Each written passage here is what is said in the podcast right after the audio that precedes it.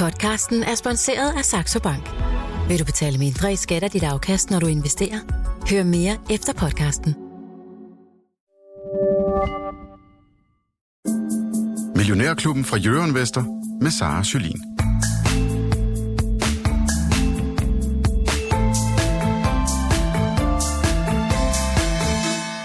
God onsdag morgen og velkommen til dagens udgave af Millionærklubben, hvor vi i dag skal snakke om juleshopping i en sparetid og hvordan man får flest penge at investere for i en verden med meget høj inflation og meget høje renter.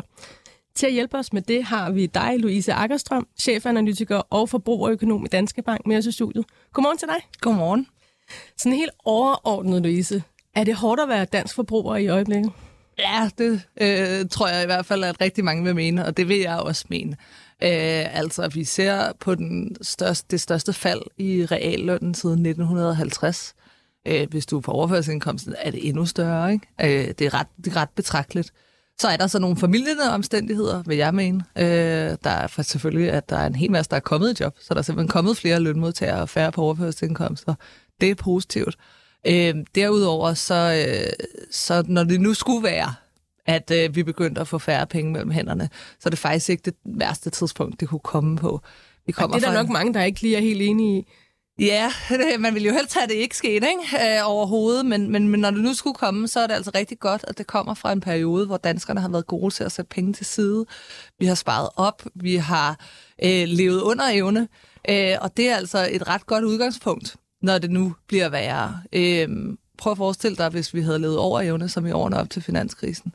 Jamen, så skulle du både skabe balance igen i din økonomi, men du skulle altså også øh, lige betale af på den gæld, du havde brugt de sidste par år på at opbygge. Det havde slet ikke været sjovt. Øh, og, øh, og nu så er, der, så har, er der mange familier, der har noget luft i økonomien, og det er altså ret positivt. Er det det, der gør, at vi faktisk bliver ved med at få stærke nøgletal? Nu har vi lige til morgen set her, at arbejdsløsheden i Danmark er mm. stadig mm. rigtig lav. Væksten er der faktisk også. Den er ikke vildt høj, men den er i hvert fald positiv. Og så snakker man jo hele tiden om, at vi faktisk stadig bruger ret mange penge, og det kan jo godt skue lidt imod det, vi ellers hører derude. Forbrugertilliden er rekordlav, og ja. humøret er rigtig dårligt. Ja, præcis. Øhm, det, det, det siger altså noget om, at dansk økonomi virkelig har ret meget styrke tilbage. Det er altså ikke væksten, der driller i dansk økonomi. Det kan det komme til, og når vi kigger fremad, så, så er det lidt et andet billede. Øh, men det, at vi til trods for, at vi har set for eksempel den laveste forbrugertillid nogensinde, jamen så har vi faktisk ikke set nogle meget dramatiske øh, opstramninger i hverken forbruget eller i øh, eller i resten af økonomien. Og alt det, og især også, hvad du tænker for fremtiden, det snakker vi om lidt senere i programmet, for vi har også en masse dagsordner, vi skal igennem her til morgen, og det skal vi sammen med dig, Michael Friis Jørgensen, forvalter her i Millionærklubben og aktiechef hos H.C. Andersen Capital. Godmorgen. Godmorgen. Hvis du sidder derude og har nogle spørgsmål eller kommentarer til Louise og Michael, så kan du sende dem til mig i studiet på telefonnummer 42 42 03 21. Du skal bare huske at starte din sms med MIU.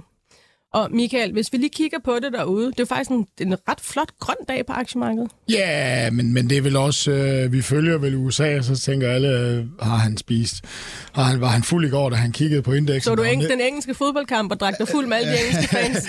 Ja, nej, for det, det var jo med det her med, det var jo Apple, der trak alle hovedindeksen ned i USA i går. Du ved, det der hedder det lige vægt, S&P 500 var jo op 4% eller 0,4 procent, ikke? Altså, du ved, så det var Apple, der er så tung, ikke? Så rent faktisk var der også en lille positiv udvikling, ikke? Det står lidt i stampe her hen mod, mod Pauls tale senere i dag, så så ud fra den her betragtning af, at Europa kører måske en lille bit smule videre på, på de gode indikationer, vi fik ud fra inflationstallene i Spanien og, og, og især Tyskland i går, ikke frem mod det her inflationstal i dag, så du ved, og så står vi her, og jeg er jo selv fortaler for, at der sker noget ude på den anden side af bakken her, men, men vi, vi ser det jo ikke rigtigt. Forbrugerne forbruger stadigvæk på lav, på trods af dårlig forbrugertillid, selskabernes regnskaber er stadigvæk relativt stærk.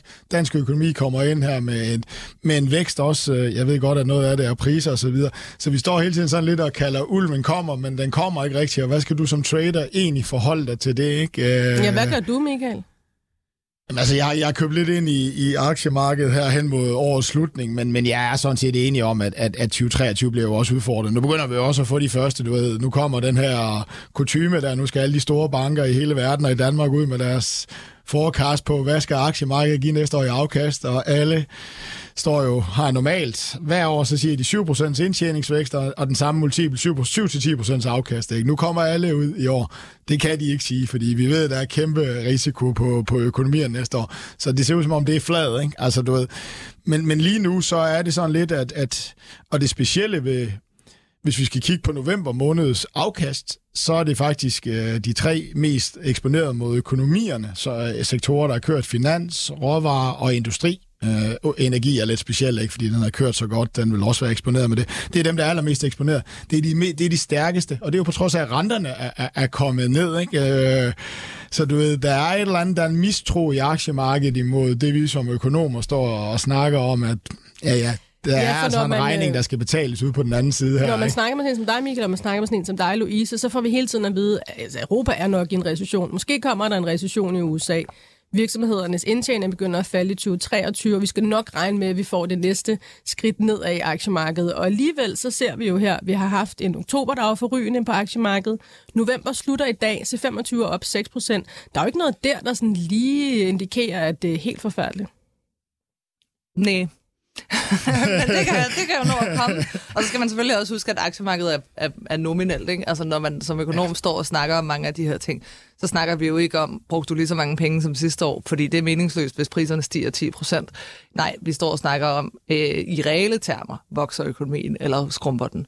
Øh, og det er lidt sådan et andet dyr. Øh, der, der går det altså også, øh, der peger pillen og sådan noget. Ja, det, det, er jo, det, er jo, det er jo den frygtelige sandhed, når folk siger, puh, ja, det blev ikke de her 20 procent i aktiemarkedet, og det blev kun 14 procent ned, eller hvad vi er lige nu. Nej, det gjorde det ikke for dig som dansker. Det blev 24 procent ned. Din købekraft blev udhulet med, med ekstra 10 procent. Selskaberne, hvis vi nu kun havde omsætning i Danmark, havde jo vokset deres omsætning og deres indtjening med, med, med priserne, hvis de formåede at overvælte dem. Ikke? Altså, du ved. Så det er selvfølgelig nogle af de her ting. Men, men det, det, det, er bare for at sige det, og jeg er jo sådan set lidt enig om, at der står nogle udfordringer i kø. Der er en regning, der skal betales i, i, i 2023. Hele 2023 kan vel være god nok, og jeg tror, at alle strateger de kommer til at lave det samme, som jeg siger, og det kommer jo aldrig til at passe de her forecast ind i år svær første halvår, rigtig stærk anden halvår. Nu skal vi lige have det her inflationen bragt ned, som er ved at toppe ud. Renterne skal til at stoppe lidt op. Vi skal have lidt faldende renter. Folk skal have flere penge mellem hænderne på grund af, af, af de her faktorer. Ikke? Og så kan vi muligvis få et løft ind i anden halvår. Ikke? Og alle kommer til at sige det samme, tror jeg. Du ved. Samtlige store banker i verden og alle de her ting. Og en ting, vi ved med de der forecast, det er, at de har aldrig nogensinde holdt. Altså, du det. Og alligevel så bruger vi bare tid på at snakke om dem. Men øh, det her med forbrugerkraften, der er forbruger hvor mange penge vi bruger, det er blevet udhulet. Det får vi jo faktisk lidt øh, syn for sagen her ved, øh, senere i formiddag. Der får vi inflationstal for EU og øh, resten af Europa. Og Louise, hvad forventer vi her? Altså i oktober, der steg det til 10,6 procent for 10 procent i september. Det var et ret stort hop og meget større end forventet. Fortsætter inflationen med at stige her i november, eller begynder der at være tegn på, at vi har set toppen nu? Altså noget af det, der hjælper ret meget lige nu, det er jo, at vi, vi har set nogle energipriser, der er kommet lidt ned. Øh, og det hjælper på det. Øh, simpelthen. Øh, øh, ja, det kan godt være, at vi har set toppen nu. Men, Men du siger det ikke med meget positiv i stemmen. Jeg tænker, det må være en stor nyhed, øh, en dejlig nyhed, hvis vi har set toppen. Jo, jo, og så falder det fra 10,5 til 10, og så, eller, altså det, det er også sådan, vi, vi, vi skal se noget, noget mere sådan persistent øh, fald i inflationen og også i kerneinflationen. For lige nu så ligger energi og trækker meget i den ene og den anden retning. Øh, det er også ret svært at spå om lige nu, fordi der er ret stor forskel på fra land til land i, hvordan ryger energi sådan simpelthen ind i forbrugerprisindekset. Der er en hel masse teknikaliteter. I Tyskland så er de meget senere om at få opdateret deres priser, så der hjælper det ikke. Og i andre lande, for eksempel i Danmark, jamen der er der noget andet på spil. Øh, det kan man få helt ondt i hovedet over.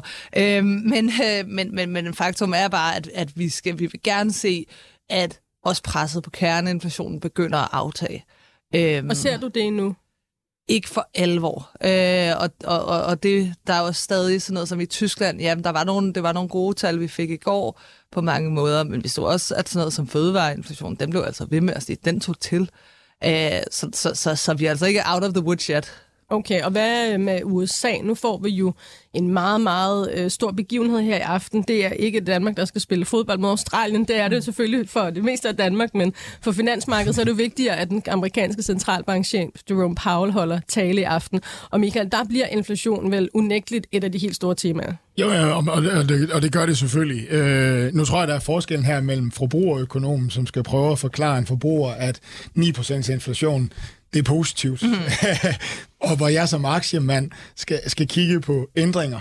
Altså, du ved, øh, så det er det ene. Jamen, jamen, det gør det jo klart. Øh, nu, jeg ved ikke, hvor meget han egentlig kommer til at sige. De jo, øh, altså, vi har jo set øh, tegn på den amerikanske inflation ved at toppe ud. Vi har haft nogle af centralbankmedlemmerne, du ved, som som, som er uenige. Og det, det, det, der er godt her, det er jo, at, at hvis Paul bare fik lov til at styre, så er der noget, der tyder på, at han gerne vil være Volker og være helt sikker på at slippe ud af det her, så han vil bare hæve så meget som muligt, indtil han er helt sikker på, at tingene kommer. Ikke? Så og det, al jo, efterspørgsel er blevet fuldstændig dræbt. Ja, og... Det er jo, så hans, det er inflation. Nej, det, det, det, det, det, det er jo at forstærke det lidt, men, men det er jo det der, vi fik chokket, vi fik på sidste pressekonference. Først så fik vi, fik vi det her, øh, så fik vi øh, pressemeddelelsen, ikke? Wow, det ser da egentlig ret godt ud, du ved. Øh, er de ikke ved at stoppe en lille bitte smule op, så gik Paul på og, og tale den der ned, ikke? Så har vi hørt dem tale, og nu kan vi se, der er uenighed i den amerikanske centralbank. Nogle mener faktisk, at vi skal til at sætte farten ned, øh, og med farten ned, så er det jo stadigvæk rentestigninger, men farten ned. Og det tror jeg, vi skal prøve at høre fra Paul af, om han egentlig også ligger kan ligge i den lejr, hvis, hvis, hvis man forstår sådan, hvad, hvad, så... hvad jeg mener i aften. Og det er noget, som markedet venter på, fordi det er blevet priset ind i markedet, at nu sætter vi hastigheden ned øh, i, i, i de her rentestigninger. Så over de næste 24 timer, der får vi altså inflationstal for Europa. Vi har den her tal Paul i aften, og så får vi i morgen også de amerikanske inflationstal, som er det, de kalder PCE deflator, altså det, som den amerikanske centralbank i virkeligheden bruger til at vurdere, hvor høj inflationen er. De her tre ting kombineret, hvor meget kan det flytte markedet, Michael? Jamen altså, vi er jo rimelig volatile lige nu. Alt, alt kan flytte ret meget. Alt kan flytte meget, ret meget. Skal jeg være ærlig om, jeg er faktisk ret sikker på, hvad Paul kommer til at sige i aften. Det tror jeg faktisk også markedet er, så jeg tror ikke rigtig, at han kan flytte det. PC, PC-deflatoren i morgen, det er den, der kan flytte tingene. Altså du ved, øh, hvis vi kan få noget tegn der, og vi får måske det første tegn, for nu, nu bliver jeg sådan lidt teknisk, men, men, men du ved, CPI'en og den her PC-deflator er begyndt at krydse CPI'en, det er det, der er... Det, det er de store, det er de store amerikanske forbrugere, og, og den her PC-deflator, de er begyndt at krydse hinanden, og det, det, det er faktisk et rigtig, rigtig, rigtig godt tegn på, at inflation måske på vej ned. Altså, kan vi få det der? Altså, du ved, vi kan godt sige, at for os europæere, der er den europæiske inflation, og den europæiske centralbank burde jo være vigtigst. Det er den bare ikke. Det er den amerikanske centralbank og, og, og de der ting, ikke? Så den kan flytte i morgen. De her tal i dag, og Pauls tale, og nu skal jeg forvarne, det, man ligner jo altid verdens største idiot, når han så siger et eller andet forkert, og markederne brager ned. Men jeg er ret overbevist om, vi ved præcis, hvad han vil sige. Alle kommer ud med 50 basispunkter efter hans tale kan måske håbe, at han kan give lidt medvind ved at ligge lidt i lejren af, at vi bremser op, fordi der har han måske ikke, der har han ikke ligget. Så, men jeg tror faktisk ikke, han kan rykke markedet voldsomt. Jeg synes, det her det er en undskyldning for, at, at vi ikke har så meget handel på lige nu, øh, at så, så sætter vi et, hans tale op på en pedestal. Ikke? Jeg vil sige, i morgen PCE øh, det kan rykke markederne, ikke? fordi at, at uanset hvad fedt talerne siger, så er det jo data, der er afhængig. Ikke? øh, Lagarde var ude her, den ECB, centralbankchefen. Vi ved det ikke, altså du ved, men dataene skal tale, øh, og, og det er jo egentlig også det Fed siger, og derfor øh, et af de mere vigtige nøgletal, der kommer der, øh, og den kan måske rykke markederne, hvis den kan være positiv, og der er et lille tegn på, at det kunne den måske godt gå hen og blive. Så måske, at vi får den her julespurt i december, som jo ellers er noget, man øh, holder øje med. Det er jo 1. december i morgen, mm. og øh, Michael, hvad, er, der, er der noget i din portefølje, hvor du vil ændre, så du får den her julespurt? For sætter ind, måske skal du prøve at indhente lav, der er op 35 procent i år, og du er nede 22 procent.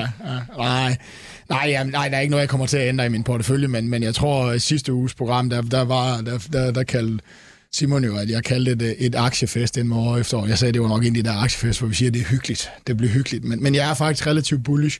I hvert fald frem mod, mod, mod CP-tallet og Fed-møderne midt på måneden. Der tror jeg faktisk, at lige nu, der er der mange ting, der peger i den, øh, i, i den rigtige retning for aktiemarkedet. Men, men Så aktie... julestemning kommer i hvert fald... Øh snigende her. Snigende. Øhm, nogen, der ikke har så meget julestemning, det er SAS. De kom med regnskab her i morges, og øh, det viser et tab på 7,8 milliarder svenske kroner. Øh, det er oveni, at de i, øh, sidste år også landet et, et tab på 5,7 milliarder svenske kroner. Så det bliver bare ved med at være tab på tab på tab. Aktien falder kun 1,5 procent i Danmark her, Michael. Hvad foregår der for SAS? Altså har investorerne de bare vant til det dårlige nyheder, og hvor lang tid kan de køre med de her store underskud? Øh, ja, nu, nu stiger den faktisk en lille smule hvis, i, i, i det danske, der, hvis man, man smider realtiden på. Jeg, jeg, jeg ved ikke, om vi er vant til, at de her dårlige. Altså, det er jo ikke de her regnskaber, der er afgørende. Jeg tror faktisk, det her med, at de, de jeg mener, de lavede en kabineaftale, personale, kabine, kabinepersonale, som jo kunne have sendt dem ud over afgrunden, lavede de en aftale med i går. Det tror jeg mere, man skal reagere på, end det her regnskab. Og så, øh, ja, så stiger her til morgen, der er der handlet en halvanden million aktier, ikke? Men, men husk nu på, at de koster 0,42, så det er omkring en million kroner, der flytter aktien her. Der er lidt mere i Sverige handel, men, men, men, men det, det er jo sådan, det er, ikke? Øh, øh, så vi ser det jo ofte. Det her, det er jo den her aktie, som folk elsker at spekulere ind i. Ikke? Altså sende den op og sende den ned. Og faktum ja, og det er, virker jo billigt nu. Siger, den koster 42 øre, så kan man jo nemt lige købe et par stykker der. Nej, ja, ja, ja som en penny-aktie, men lad nu være med at kalde SAS billig, fordi 95-96 procent af SAS nuværende markedsværdi kommer jo til at gå væk fra dig af. Så, så du ved... Øh, handler den 3 milliarder i markedsværdi, og det skal jeg så gange med 20, så lidt mere værd end...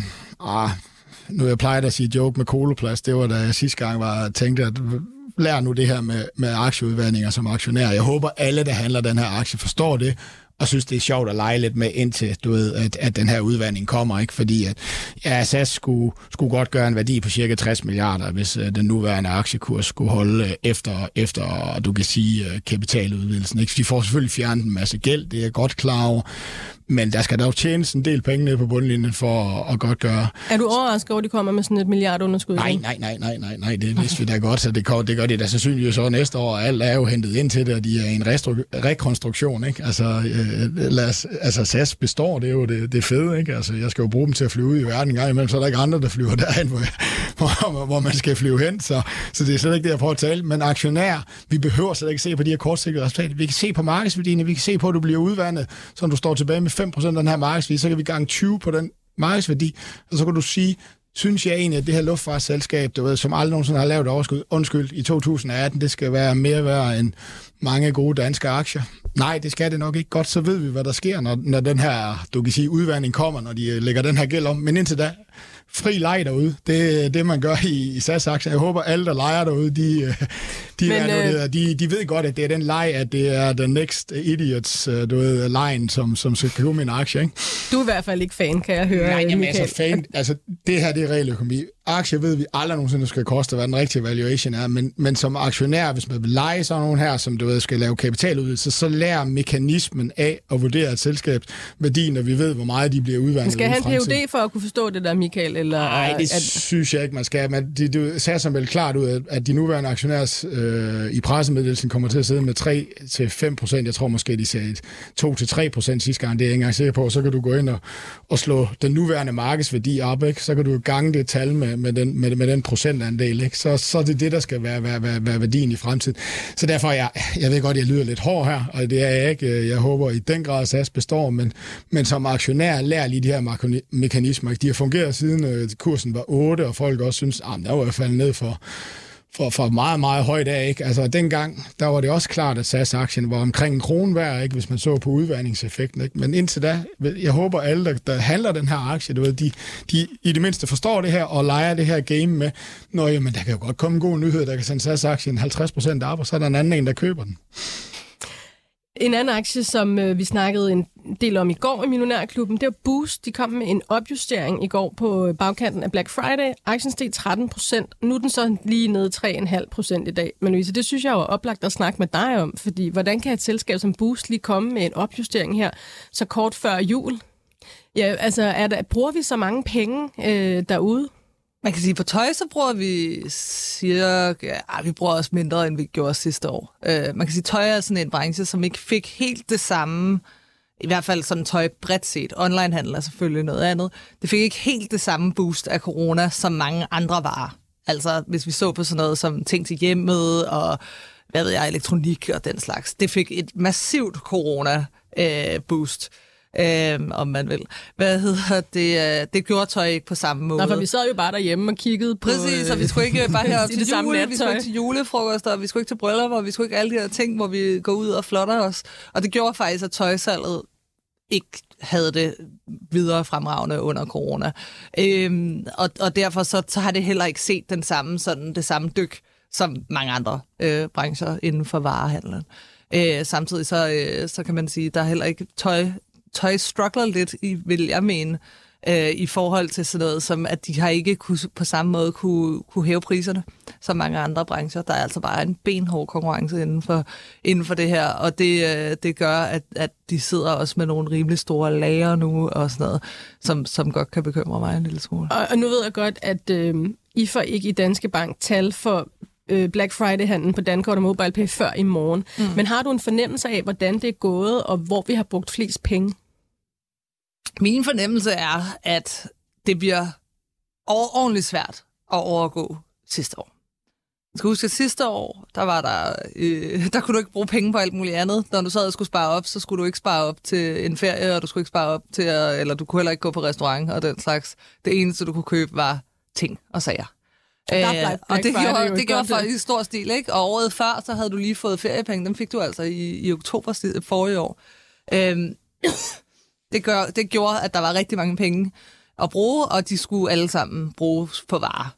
Groft sagt, ikke? Altså meget hård generalisering. Den effekt er der jo ikke i dag. Altså så lige meget hvad, om der ikke havde været, hvis vi ikke havde stået her og skulle snakke om inflation og rentestigninger og pres på forbrugernes økonomi, jamen så havde jeg også sagt, det kan ikke gå, det kan ikke blive lige så godt som sidste år. Simpelthen fordi, at du har alt muligt andet, du kan bruge dine penge på. Hvis du dertil så også lægger, at priserne på varer er steget, og de er også steget mere end prisen på mange services, jamen så er det i hvert fald svært at se, at det i reale termer skulle overgå sidste år. Altså, at vi har fået flere varer ud af de penge. Præcis. Det, det kan jeg ikke forestille mig. Øh, så i den forstand, så, så føler jeg mig rimelig sikker på, at det ser værre ud end sidste år. Vi får simpelthen ikke det samme for pengene. Om vi så har brugt øh, en milliard eller øh, mere eller mindre, det kan man selvfølgelig godt stå og diskutere. Det er jo noget af det, vi får svar på, når vi får tal for det i morgen. Men grundlæggende set, så, så, så kommer vi til at have fået mindre for pengene. Så selvom at når vi får de her tal i morgen, kan se, at vi måske har brugt altså, flere kroner, så er det bare fordi inflationen Ja. er 10 procent, og det er ikke fordi, jeg kommer derfra med to barbedukker. Øh, det kommer måske bare derfra med en, med at have betalt nogenlunde samme pris for det. Og altså, jeg vil sige, hver eneste år, så er der en eller anden, så bliver jeg interviewet til en eller anden artikel om, at øh, nu slår julehandlen rekord. Og det er nemt nok, hvis man har inflation. Eller sådan, altså, det er jo ikke sådan, øh, fordi priserne stiger, så, så, så, så slår vi rekord i, at nu har vi brugt øh, x milliarder frem for x minus 1 milliard. Øh, hvad hedder det, øh, det? Det sker stort set altid. Jeg vil sige, at jeg har svært ved at forestille mig, at, at, øh, at det rigtig bliver en positiv julehandel også. Tror du, at mange af os har frontloadet noget af julehandlen til Black Friday, simpelthen for at spare penge, fordi vi er presset andre steder? Ja, det forventer jeg. Altså lige nu så ser vi en ret, sådan, et ret stort skifte i, at danskerne er virkelig begyndt at gå meget mere op i at finde ting på tilbud. Altså, det kan vi også se, hvis du kigger på sådan noget som dagligvarerhandel. Du kan ikke bare eh, handle, som du plejer. Det er der i hvert fald rigtig mange, der ikke kan. Hvis du gerne vil være sikker på, at der står nogle penge i slutningen af måneden på din konto, så, så det der med bare hovedløst at gøre, som du gjorde for et år siden, det kan lige pludselig blive rigtig dyrt. Øh, og, og lige pludselig så, så hænger dit budget ikke sammen længere. Og det er der rigtig mange danskere, der ved. De er blevet mere sådan opmærksom på, okay, nu er der tilbud på smør over i Superbrusen, øh, og der er tilbud på flæskesteg i Rema. Så går jeg lige begge steder hen. Øh, eller også så, øh, så, så går jeg simpelthen benhårdt efter, efter prisen. Så det, øh, det forventer jeg også gør sig gældende i julehandlen simpelthen.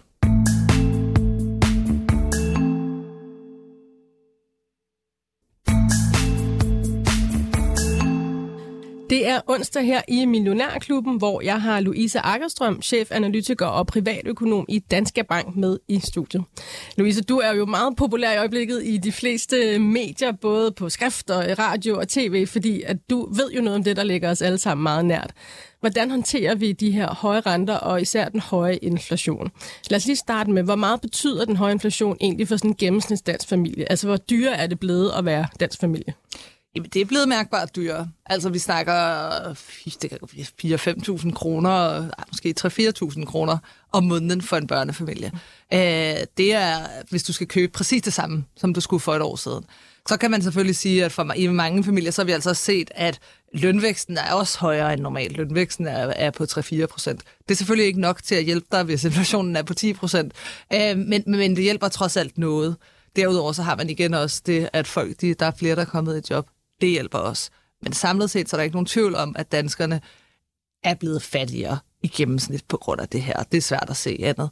Øhm, og, øh, og det gør også, at man er nødt til at tænke over, hvordan er det, jeg bruger mine penge på en helt anden måde, end man måske har været vant til. Så hvordan har vores forbrugsmønstre ændret sig det seneste års tid?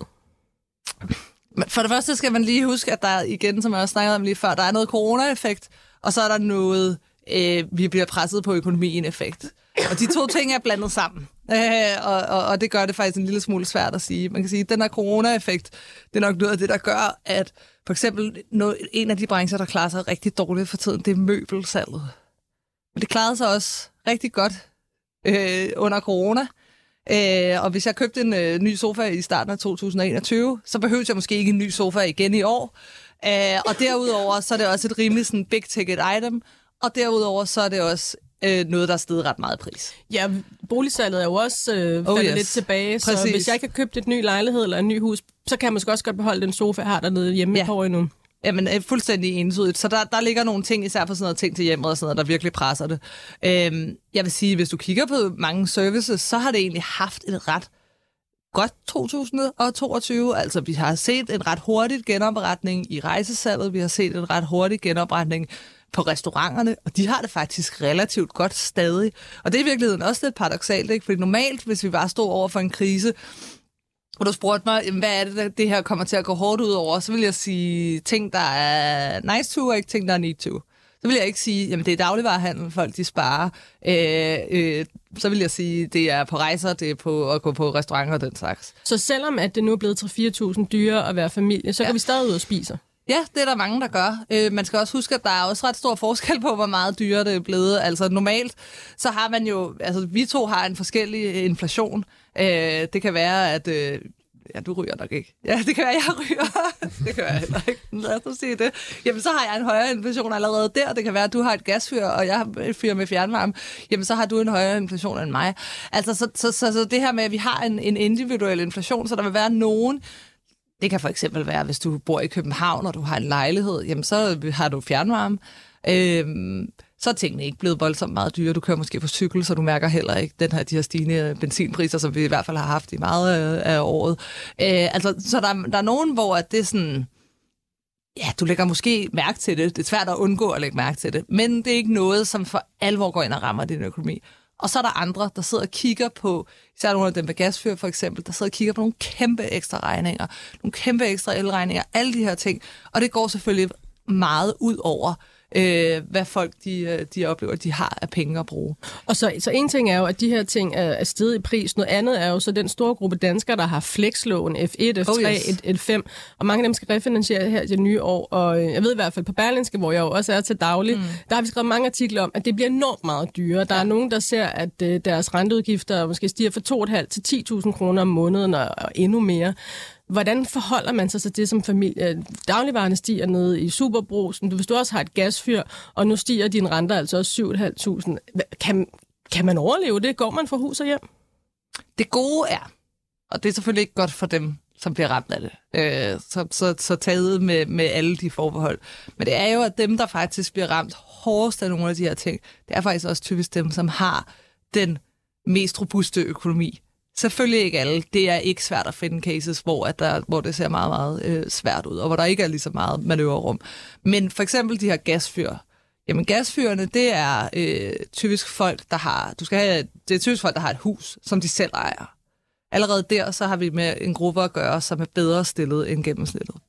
Det er faktisk også typisk folk, der bor i omegnskommuner i København, og, og nok især også i Nordsjælland det er igen også nogen, der er bedre stillet end mange andre. Øh, og også nogle steder, hvor, at, nu kan det godt være, at vi snakker om, at, øh, at boligpriserne falder, men det er altså nogle steder, hvor boligpriserne er steget meget, meget kraftigt. Og det gør, at det typisk er nogle familier, der har nogle muligheder. Og det samme, når vi så kigger på renterne. Ja, det, det her det er ikke noget, der kommer til at gå ubemærket hen. Altså, ja, der, jeg tror, vi alle sammen øh, virkelig kan mærke, at hvis din rente, renteudgift stiger med, med, med 3 procentpoint, så er der altså ret mange tusind kroner om måneden øh, mere, du skal finde. Men du har altså ikke fået lov til at tage de her lån, hvis det ikke var, fordi man vurderede, at du kunne det.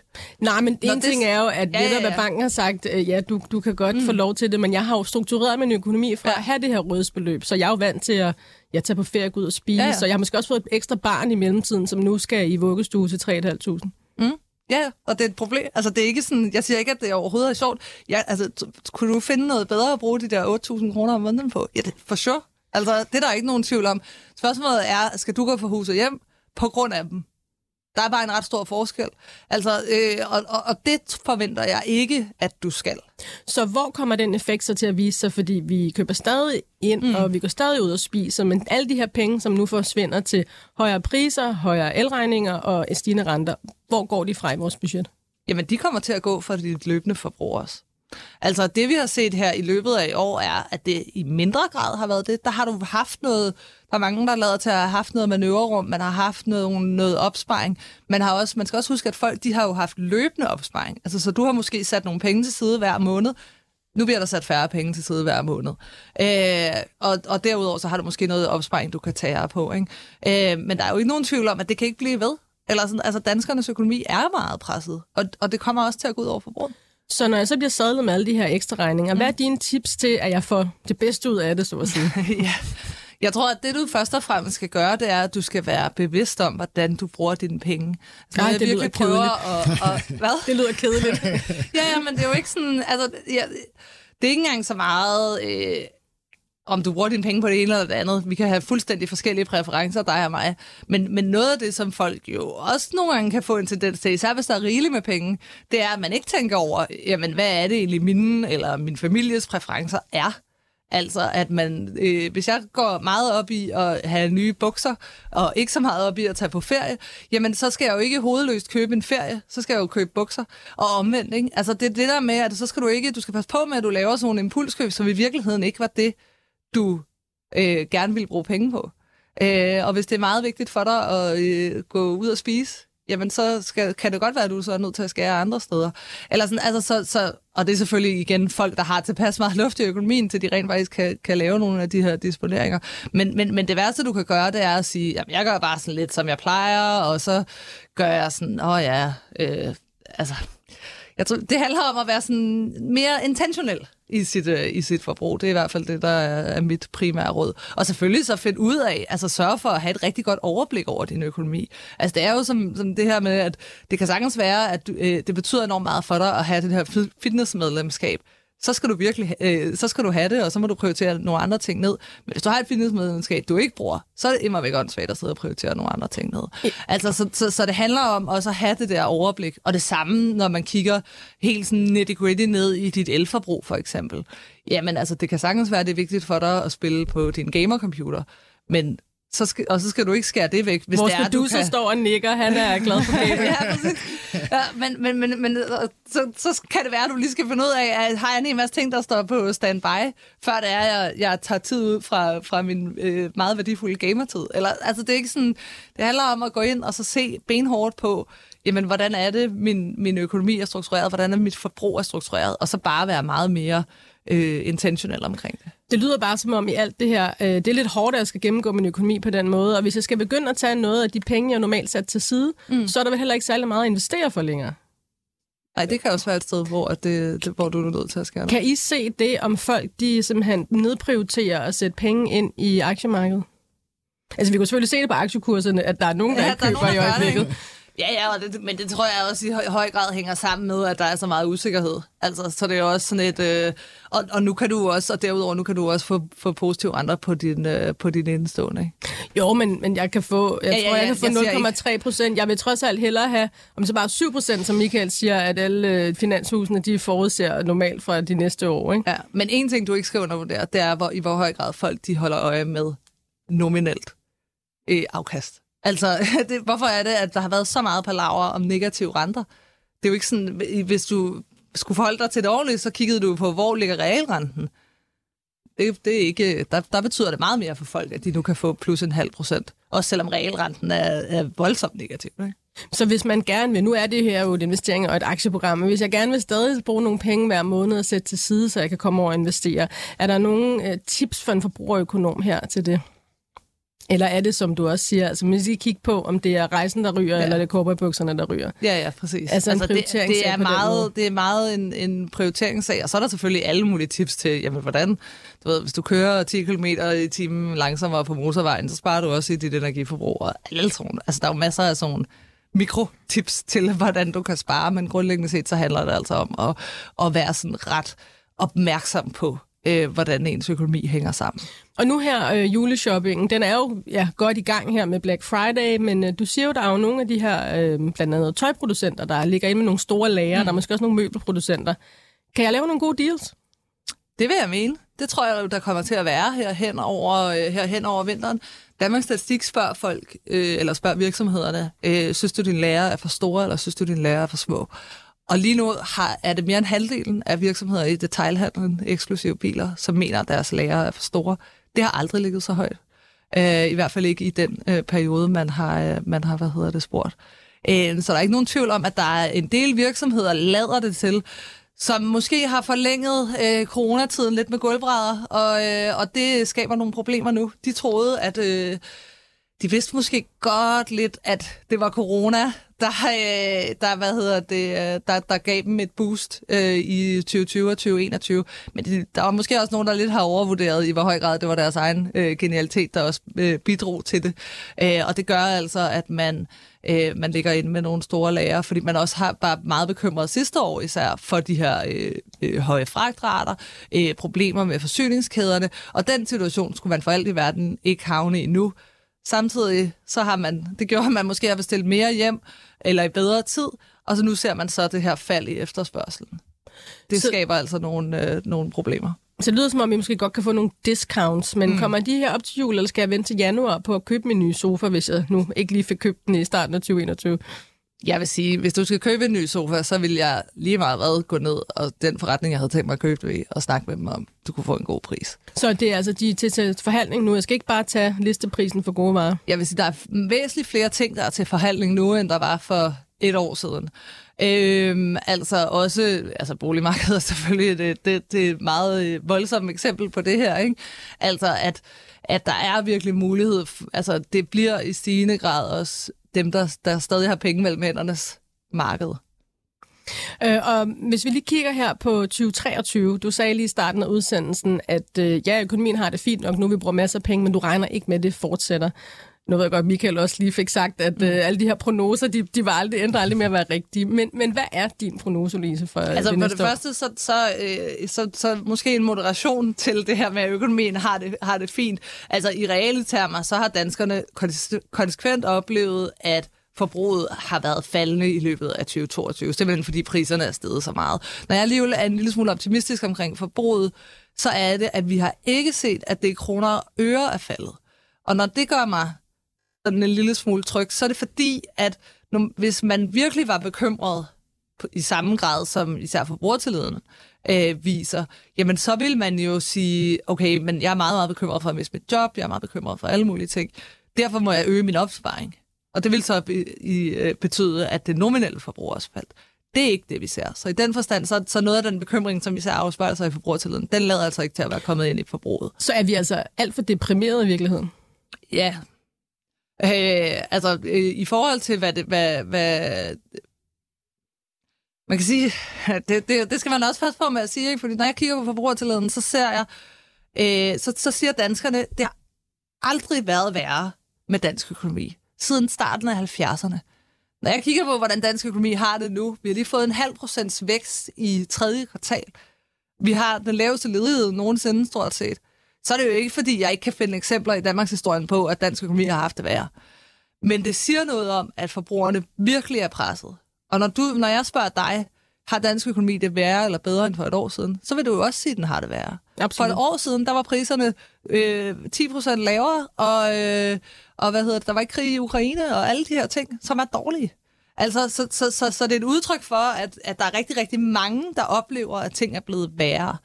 Øhm, når jeg kigger ind i næste år, jamen så begynder øh, mængden af problemer, som, som forbrugerne har, at vokse. Altså lige nu har de et inflationsproblem, men de har ikke noget vækstproblem, de har ikke noget øh, ledighedsproblem, de har ikke noget... Øh, der er nogen, der har lidt problemer på boligmarkedet, men, men, men, men lad det nu være det.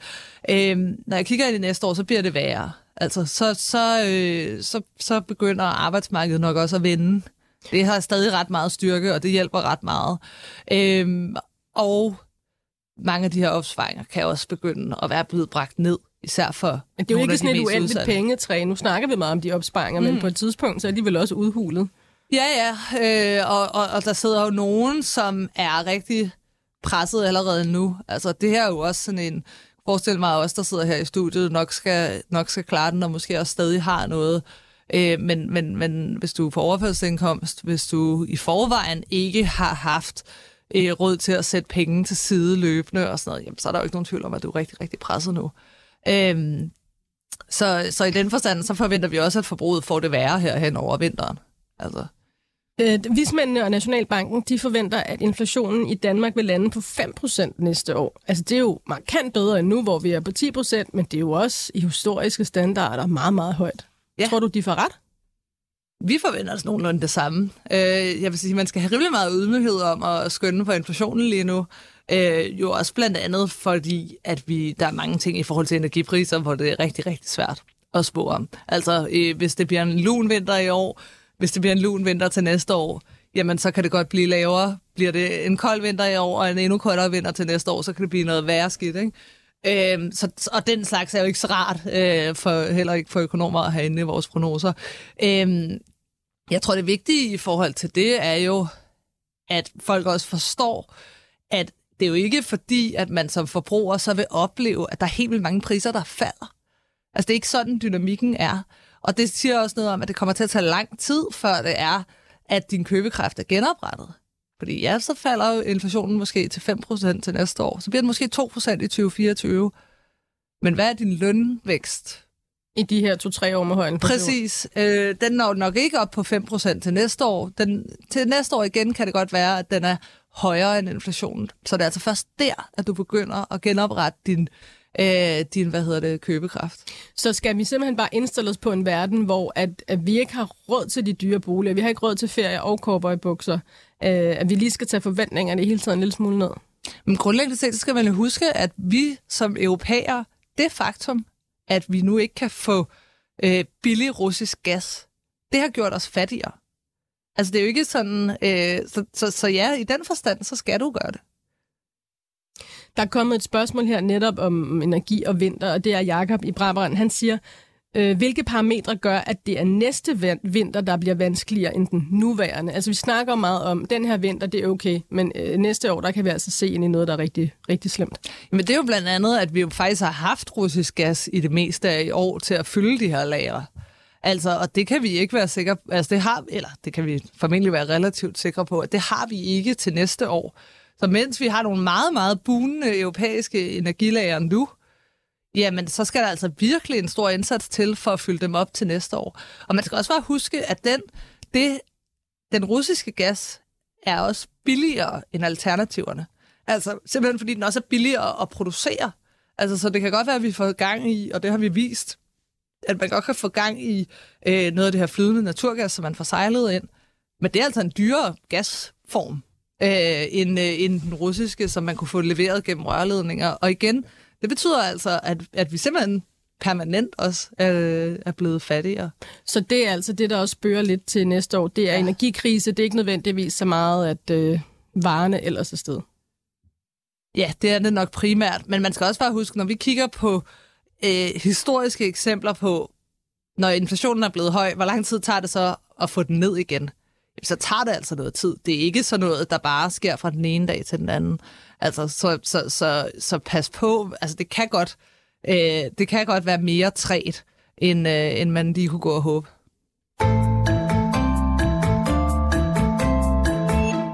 Det er onsdag morgen her i Millionærklubben, hvor at Louise Akkerstrøm, øh, chefanalytiker og forbrugerøkonom i Danske Bank, har givet os en overflyvning om, Ja, vel lidt de problemer, der er derude for forbrugerne, og desværre var der ikke lige noget quick fix til at finde en, en masse penge frem, andet end at gennemgå nogle af de udgifter, man har. Nu har vi fået en masse spørgsmål ind. De spænder ret bredt i dag, og der er kommet nogen til dig også, Michael. Nu har du været helt, helt tavs her de sidste tavs, ja. 20 Ja, minutters ja, tid. ja, ja, Øh, men der er en, der spørger her, hvad er status på Berkshire Grey? Det er jo en af dine aktier.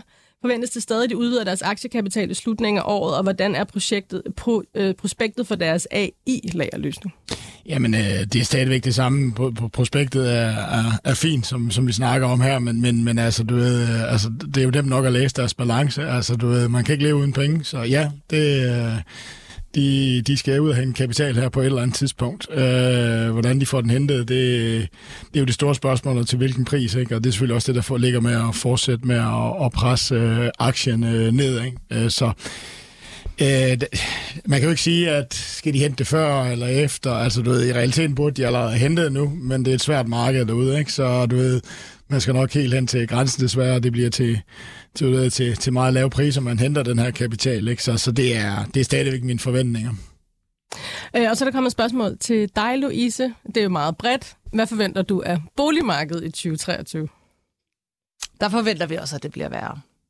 Øh, sådan er det, er det øh, korte svar på, på, på det spørgsmål. Øh, boligmarkedet reagerer typisk lidt træt på, øh, når renterne for eksempel er steget. Øhm, og vi begynder faktisk, altså til trods for, at øh, realkreditrenterne begynder at stige i starten af året, så var det altså først her efter sommerferien, at vi, vi begynder at se en reaktion i priserne på boligmarkedet. Det bliver, hvis vi begynder at se en forværing på arbejdsmarkedet, så vil det også trække ned. Altså også simpelthen i form af stigende usikkerhed. Øhm, man skal huske, at på boligmarkedet er der altså lidt nogle forskellige tempi.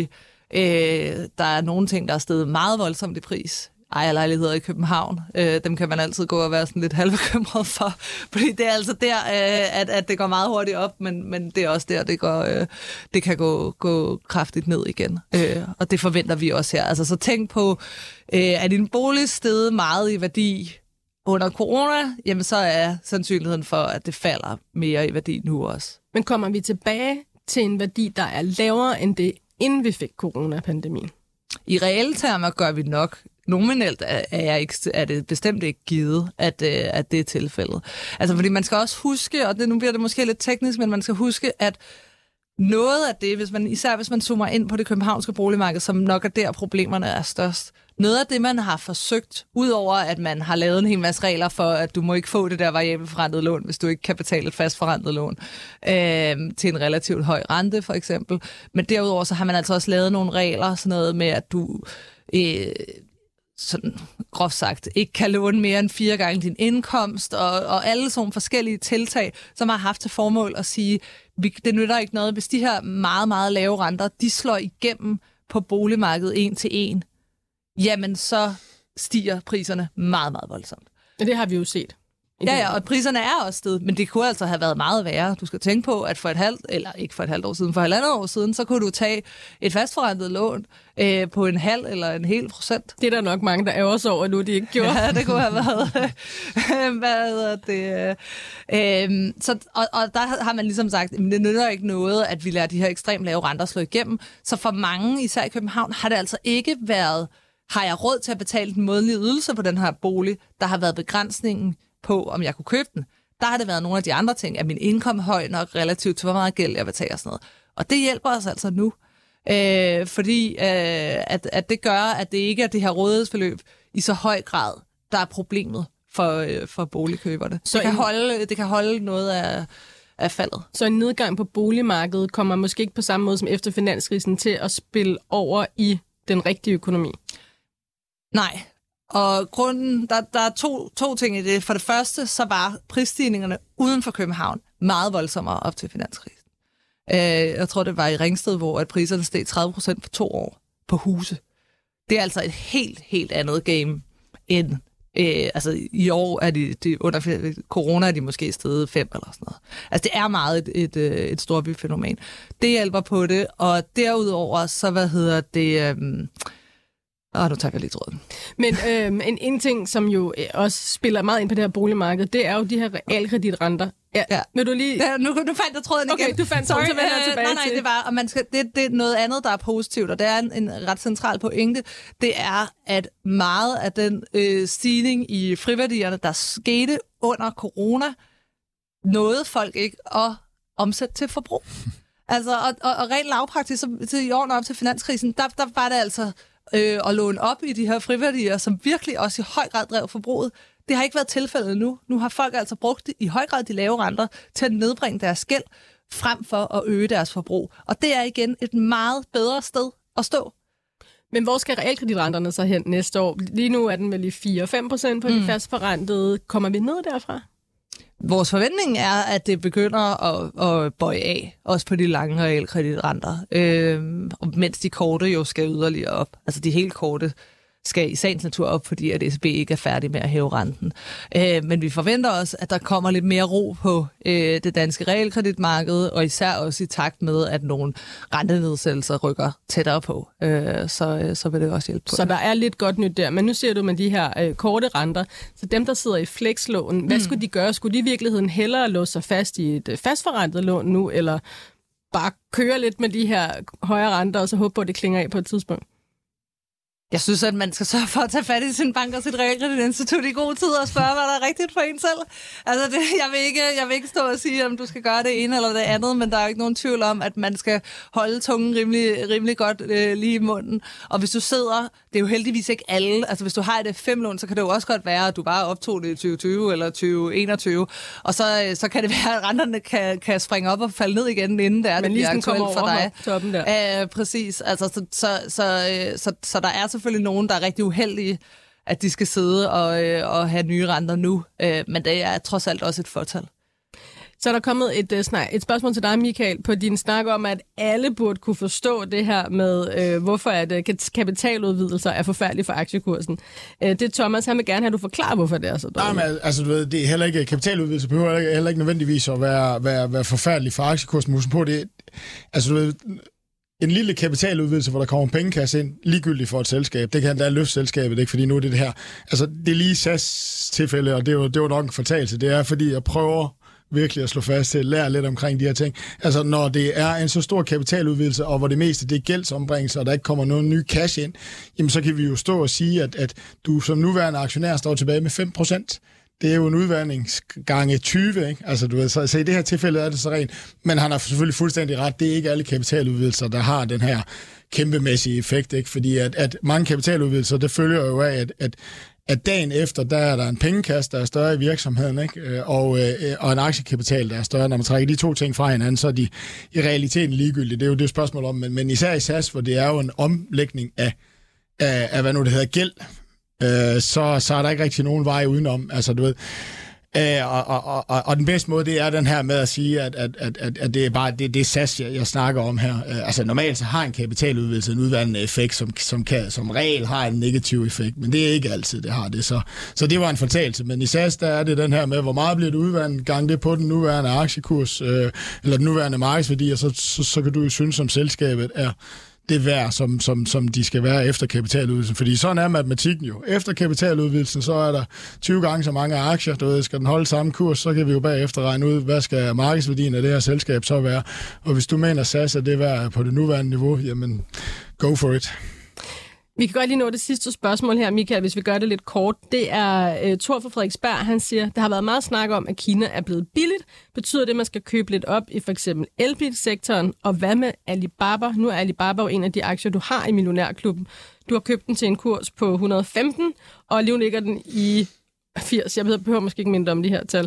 Nå, jo, jo, jo, jo. Jamen altså, det, det er meget direkte spørgsmål. Er, er kinesiske aktier billige? Ja. Er kinesiske aktier billigere end en årsag? Ja, det er. Kan den årsag ændre sig? Ja, det kan den det er jo den her coronanedlukning, ikke? og sker på et eller andet tidspunkt. Jeg synes allerede, at vi har fået nogle repremiere på, hvad der sker, når det her det, det engang kommer. Ikke? Altså, du ved, det er delvis derfor, at investorerne er flyttet ud. Det er jo den kinesiske økonomi, og den kan få et boost af, af de her ting. Så jeg synes, at vi har haft et par, par du ved, det hedder generalprøver på, hvad sker der egentlig, når Kina genåbner, fordi det er de jo absolut ikke ved at gøre. Ikke? Og, og i, den, i den kontekst... Øh, der synes jeg egentlig, at, der er, at, at årsagen til, at de er billige, kommer til at ændre sig i min optik. Elbilerne har jeg ikke lige nogen holdning til, anden at jeg tror faktisk, de kommer til at konkurrere ret godt med de europæiske. Alibaba, jamen jeg har sådan prøvet at gennemgå den. Altså jeg synes jo, den er billig ud fra en betragtning af, at, at de køber aktier tilbage, når du trækker deres pengekasse ud øh, af, af deres markedsværdi og, og, og kigger på det, så er det så er det så ekstremt billigt. Så, så ja, den fastholder jeg har også købt lidt hernede i de her niveauer, ikke? Øh, men jeg påkender mig risikoen. Og så ligger der jo en kæmpemæssig risiko ude på den anden side. Det er den her også mod dem verden. Men, men billigere en årsag, men jeg tror årsagen ændrer sig. Tak, Michael. Det er desværre alt, vi når her i onsdagens Millionærklubben. Tusind tak til dig, Louise Akkerstrøm. Tak til dig, Michael Fris. Og tak til vores producer, Alex Brøndberg.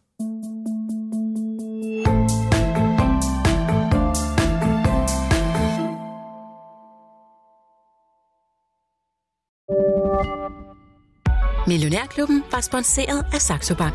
Gør det godt i din virksomhed. Hos Saxo Bank kan du få dine overskydende midler til at vokse med en investeringskonto, hvor du også kan få op til 3,05% i positiv rente uden binding. Det er nemt og gratis at oprette en konto. Der er ingen konto og depotgebyr, og der er ingen binding, så du kan altid investere eller trække dine penge ud. Kom i gang allerede i dag på saxobank.dk.